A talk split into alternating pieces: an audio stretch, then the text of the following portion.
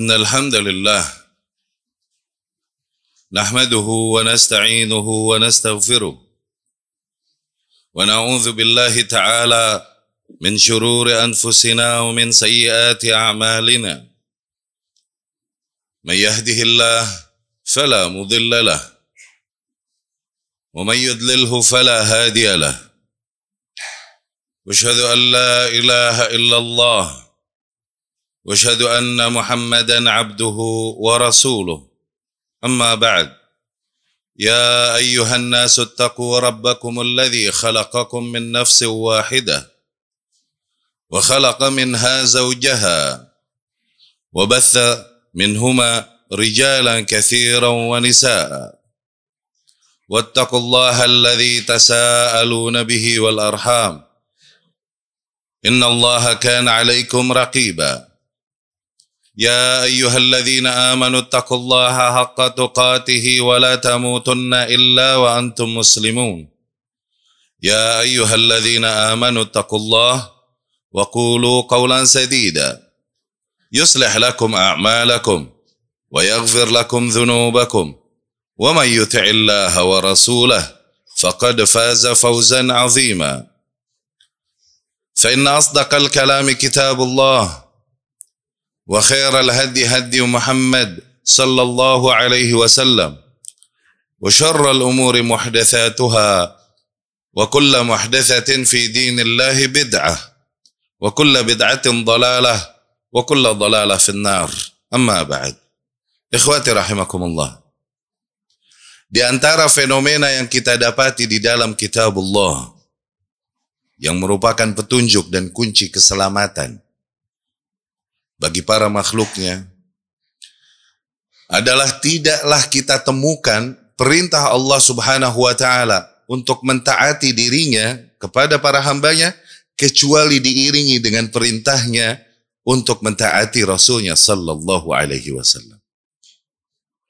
Tidaklah kita temukan perintah Allah untuk mentaati dirinya kecuali diiringi dengan perintahnya untuk mentaati Rasulnya sallallahu alaihi wasallam. Allah Subhanahu wa taala senantiasa berfirman, "Ati Allah wa ati'ur Rasul. Ati Allah wa ati'ur Rasul. Ati Allah wa ati'ur Rasul." Demikian kita dapati di dalam kitabnya. Apabila ada sebuah nilai yang dapat disimpulkan dari fenomena itu di dalam Al-Quran, maka di antara nilai yang paling zahir yang dapat kita tangkap dari hal tersebut adalah sungguh. Tidaklah sah bentuk ketaatan apa pun kepada Allah subhanahu wa ta'ala kecuali dengan cara mentaati Rasulnya sallallahu alaihi wasallam. Tidaklah sah bentuk tauhid seorang hamba Tauhid yang merupakan kewajiban yang paling mendasar yang di mana tidaklah seorang nabi dan rasul alaihi wassalatu wassalam yang Allah utus kecuali pasti menyeru kepadanya. Tauhid yang merupakan misi inti yang Allah subhanahu wa ta'ala berikan kepada para nabi dan rasulnya alaihi wassalatu wassalam. Tauhid merupakan kewajiban yang paling besar dan paling mendasar. Tidaklah sah Tidaklah absah ketauhidan yang ada pada diri seseorang kecuali dengan mengikuti sunnah Rasulnya Sallallahu Alaihi Wasallam. Ikhwati rahimakumullah.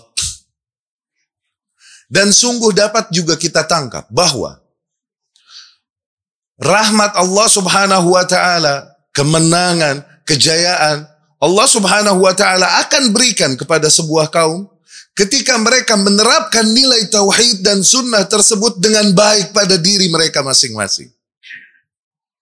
Semakin kaum tersebut terjauhkan dari nilai-nilai tauhid dan nilai-nilai sunnah, semakin terjauhkan mereka dari rahmat Allah Subhanahu wa taala, dari pertolongan dan pembelaan Allah Subhanahu wa taala. Diriwayatkan al-Imam Al-Bukhari rahimahullah dengan sanadnya dari Al-Barra ibnu Azib radhiyallahu anhu yang menceritakan tentang kronologi yang terjadi dari perang kedua yang dialami oleh kaum muslimin setelah Badr, yaitu perang Uhud. Barra ibnu Azib radhiyallahu anhu menggambarkan cerita berjalannya perang Uhud tersebut. Beliau radhiyallahu anhu berkata, ja'ala Rasulullah sallallahu alaihi wasallam ar-rajalah wa kanu khamsina rajula. Rasul sallallahu alaihi wasallam mengambil dari para pejalan kaki di antara pasukan troops. Para pejalan kaki di antara pasukan, Rasul mengambil 50 orang dari mereka, kemudian Allah eh, kemudian Rasul sallallahu alaihi wasallam menjadikannya ala jabal di atas sebuah bukit. 50 pejalan kaki ini bertugas sebagai para rumat, archers, para pemanah yang melindungi punggung kaum muslimin yang berada di bawah. Wa ammar alaihim Abdullah ibnu Jubair radhiyallahu anhu. Kemudian Rasul menjadikan pemimpin para pasukan pemanah yang berada di atas bukit ini Abdullah ibnu Jubair radhiyallahu anhu. Fausalahum. Rasul pun memberikan wasiatnya kepada para pemanah ini. Wasiat yang sangat jelas dan tegas luar biasa. In ra'aitumuna taqtafuna tayru fala tabrahu makanakum hatta ursila ilaikum. Apabila kalian melihat kami di bawah, dimakani oleh burung bangkai, yakni kami kalah. Bahkan para burung bangkai memakani jasad kami, jangan tinggalkan tempat kalian sampai aku perintahkan kalian untuk turun. Wa in ra'aitumuna zaharna 'alal qaum wa ata'nahum dan sebaliknya apabila kalian melihat kami telah menang melawan kaum musyrikin tersebut bahkan telah kita injak-injak jasad mereka Fala tabrahu makanakum. Tetap pada tempat kalian, jangan tinggalkan posisi kalian. Hatta ursila ilaikum. Sampai aku perintahkan kalian untuk turun. Perintah yang sangat jelas, singkat.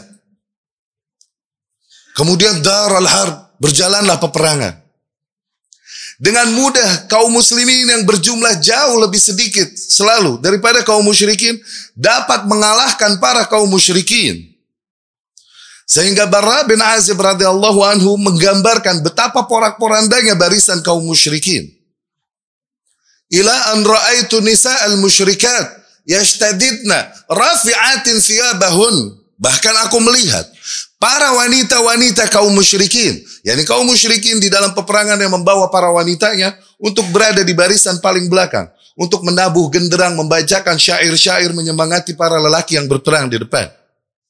Para wanita kaum musyrikin dan berada barisan paling belakang, mereka lari terbirit-birit seraya mengangkat gamis mereka ila anzahar khalakhiluhun wa asukuhun sehingga tampak pada wanita-wanita itu gelang-gelang kaki dan betis mereka. Seporak-poranda itu barisan kaum musyrikin. Kemudian kaum muslimin pun menghentikan pengejaran Kemudian kaum muslimin mulai mengumpulkan apa yang ditinggalkan oleh para pasukan musuh dari ghanimah yang Allah halalkan untuk kaum muslimin. Kemudian kembali kepada mereka yang berada di atas bukit.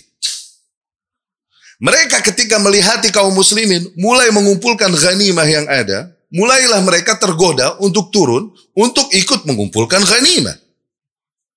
Di antara mereka ada yang berkata, Al-ghanimah, al-ghanimah ya kaum. Wahai kaum, Ghanimah, ghanimah. Sehingga tergoda mereka dan akhirnya bergerak meninggalkan posisi mereka. Abdullah bin Jubair radhiyallahu anhu sebagai pemimpin mereka mengingatkan mereka wasiat Rasulullah sallallahu alaihi wasallam. Anasitum maqala lakum Rasulullah. Apakah kalian lupa yang diwasiatkan Rasul pada kalian? Sallallahu alaihi wasallam, yakni agar kalian tetap pada tempat kalian, apa pun yang terjadi. Namun mereka menjawab, Wallahi lanatiyannahum wa lanusiban minal ghanimah. Demi Allah kita akan turun bergabung bersama mereka dan ikut mengambil ghanimah. Akhirnya mereka meninggalkan posisinya. Khalid ibn Walid radhiyallahu anhu pada saat itu masih berada di barisan kaum musyrikin. Dia adalah seseorang yang memang Allah berikan kepadanya kejelian dan kejeniusan dalam taktik peperangan. Dia melihat barisan kaum muslimin yang menjaga punggung para kaum muslimin dari belakang telah tidak ada, mereka telah turun. Dengan sigap, Khalid ibn Walid, Abu Sufyan kembali merapihkan barisan kaum musyrikin, kemudian membawa sebagian pasukan untuk berputar mengikat mengitari bukit sehingga tidak terlihat oleh para kaum muslimin. Dan kemudian mereka sampai ke tempat para kaum muslimin dan menyerang mereka dari punggungnya, dari belakang kaum muslimin.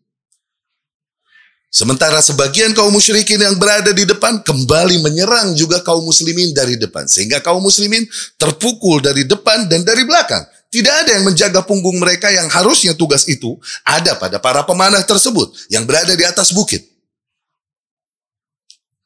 Akhirnya kemenangan yang telah didapatkan oleh kaum muslimin terlepas.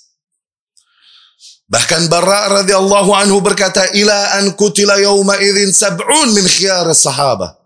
Bahkan pada hari itu terbunuh 70 sahabat terbaik, 70 sahabat terbaik radhiyallahu anhum ajmain. Walam yabqa ma'ar Rasul sallallahu alaihi wasallam dan tidaklah bersisa di belakang melindungi Rasul sallallahu alaihi wasallam ghairathnatai asyara rajula kecuali hanya 12 orang. Di kisah tersebut terjadi banyak kisah heroik yang ditampakkan oleh para sahabat radhiyallahu anhu.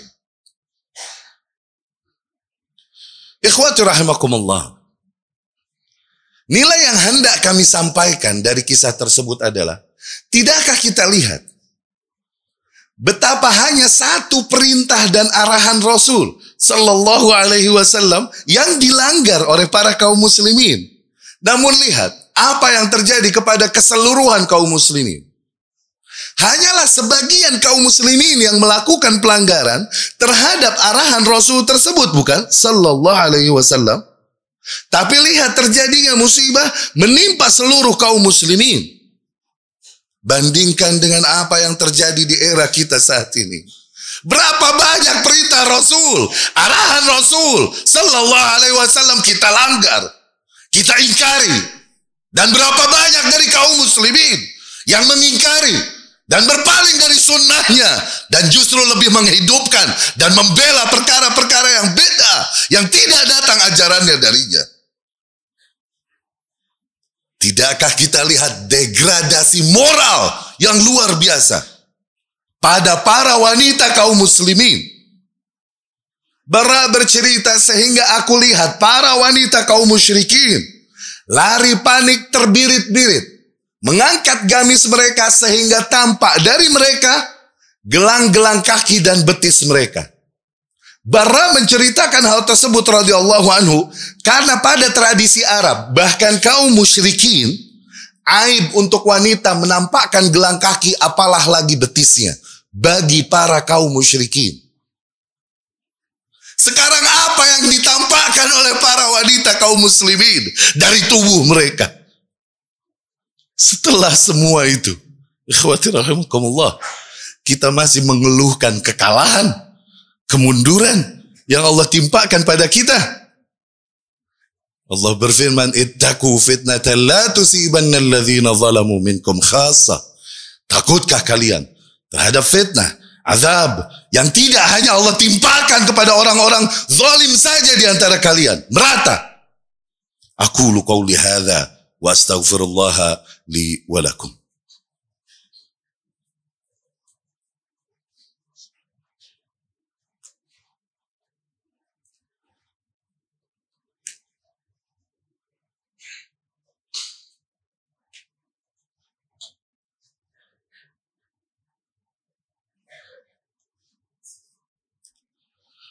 بسم الله والحمد لله. وقد كفى. والصلاة والسلام على سيد المصطفى وعلى آله وأصحابه ومن كانوا بآثاره مكتفى. أما بعد إخواتي رحمكم الله. Bagi mereka yang beriman memang kepada Allah Subhanahu wa taala maka keresahan terbesar mereka adalah apakah aku dapat berhasil meraih ridha, meraih rahmat Allah Subhanahu wa taala. Karena hanya ada padanya keselamatanku di dunia dan di akhirat. Dan Allah Subhanahu wa taala zat yang maha pengasih, zat yang maha penyayang telah menunjukkan jalannya bagi kita untuk meraih ridhonya, meraih cintanya, meraih rahmatnya. Sungguh tidak lain jalan untuk mencari, mencari dan mengejar ridhonya, rahmatnya hanyalah dengan cara mengikuti Rasulnya sallallahu alaihi wasallam. Allah subhanahu wa ta'ala berfirman, Kul, katakan, yang dikatakan wahai Muhammad kepada para manusia, peringatkan kepada mereka. In kuntum tuhibbun Allah. Apabila memang benar kalian mencintai Allah, jadi menginginkan cintanya, ridhonya, fattabi'uni, maka ikuti aku. Tak ada pilihan lain. Ikuti Muhammad sallallahu alaihi wasallam. Yuhibbukumullah. Hanya dengan mengikutiku, Allah akan membalas cinta kalian. Yani tanpa mengikuti sunnahku, cinta kalian bertepuk sebelah tangan. Dan bonus besar bagi mereka yang meniti jalan sunnah Rasulnya Sallallahu alaihi wasallam. Dengan mengikutiku, Allah akan ampuni bagi kalian dosa-dosa kalian. Allahu Akbar.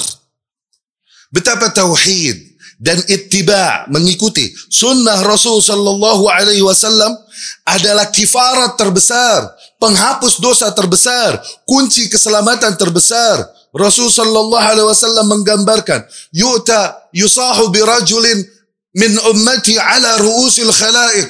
Diseru salah seorang dari umatku di hadapan para makhluk seluruhnya. Di sidang, di hari persidangan. Yunshar lahu tis'ah wa tis'ina sijillat. Kemudian dihamparkan di hadapan hamba tersebut 99 lembaran. Lembaran yang memanjang. Lembaran tersebut berisi daftar dosa yang dia lakukan selama hidupnya. Wa kulla sijillin muddal basar. Ya khabar aswad. Dan setiap setiap lembaran tersebut panjangnya, panjangnya sejauh mata memandang. La haula wa la quwwata illa billah. Dan jumlahnya ada 99. Isinya daftar dosa hamba tersebut semuanya. Allah bertanya kepadanya, apakah kau akui semua dosa ini? Bala ya Rab. Aku akui ya Rab. Adzalamaka katabati al-hafizuna syai'an. Apakah ada para penulisku, yakni malaikat yang menulis? Menzolimimu sedikit pun ya. Adakah dosa yang kau rasa? Kau tak lakukan namun tertulis di sana? La ya Rab. Tidak ada ya Rab. Aku akui semuanya. Kemudian dikumpulkan 99 lembaran ini.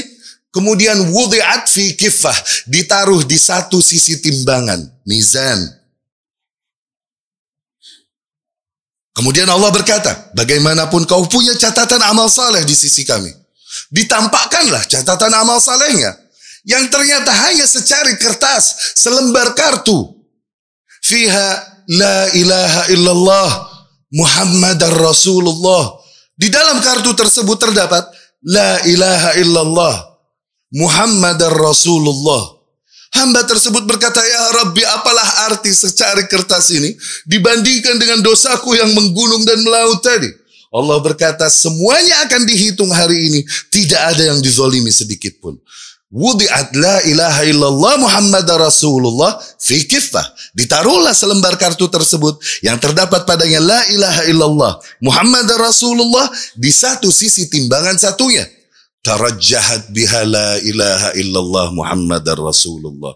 Ternyata jauh lebih berat la ilaha illallah Muhammad Rasulullah. Ya ikhwati rahimakumullah. Tauhid dan ittiba' thaqil. Ungkapan yang kuat yang berat yang dapat menyelamatkan seorang hamba. Dan la ilaha illallah Muhammad Rasulullah yang menyelamatkan seorang hamba tadi bukanlah hanya la ilaha illallah Muhammad Rasulullah yang diucapkan oleh lisan. Tidak. Tapi la ilaha illallah Muhammad Rasulullah yang diyakini oleh hati, tertancap ke dalam nurani, diucapkan oleh lidahnya, dipraktekkan oleh fisiknya. Ya, dia seorang hamba dengan lautan dosanya, namun dia adalah seseorang yang menjaga tauhidnya. La ilaha illallah. Tak sudi ia serahkan di antara bentuk-bentuk ibadahnya kepada hal lain selain Allah Subhanahu wa taala. Tak sudi ia bersandar kecuali hanya kepada Allah Subhanahu wa taala. La ilaha illallah. Ya, dia seorang hamba dengan dosanya yang menggunung. Namun tak sudi ia melakukan ibadah kecuali ibadah yang memang hanya diajarkan oleh Rasulnya sallallahu alaihi wasallam. Tak sudi ia meyakini akidah kecuali akidah yang datang keterangannya dari Rasul sallallahu alaihi wasallam. Kecintaannya ini kepada Rasul yang menjadikan syafaat baginya. Allahumma ja'alna minhum. Semoga Allah menjadikan kita semua termasuk mereka yang mendapatkan syafaat nabinya sallallahu alaihi wasallam. Allahumma a'izzal Islam wal muslimin wa ahlikil kafarata wal mubtadi'ata a'da'aka a'da'ad-din. Allahumma mazzik jama'ahum wa shattit shamlahum wa zalzil aqdamahum wa alki fi qulubihim ar-ra'bah innaka ala kulli shay'in qadir. Allahumma ighfir lil muslimin wal muslimat wal mu'minin wal mu'minat al ahya' منهم والأموات. إنك سميع قريب مجيب الدعوات. ويا قاضي الحاجات. اللهم أقسم لنا من خشيتك ما تحول بيننا وبين معاصيك.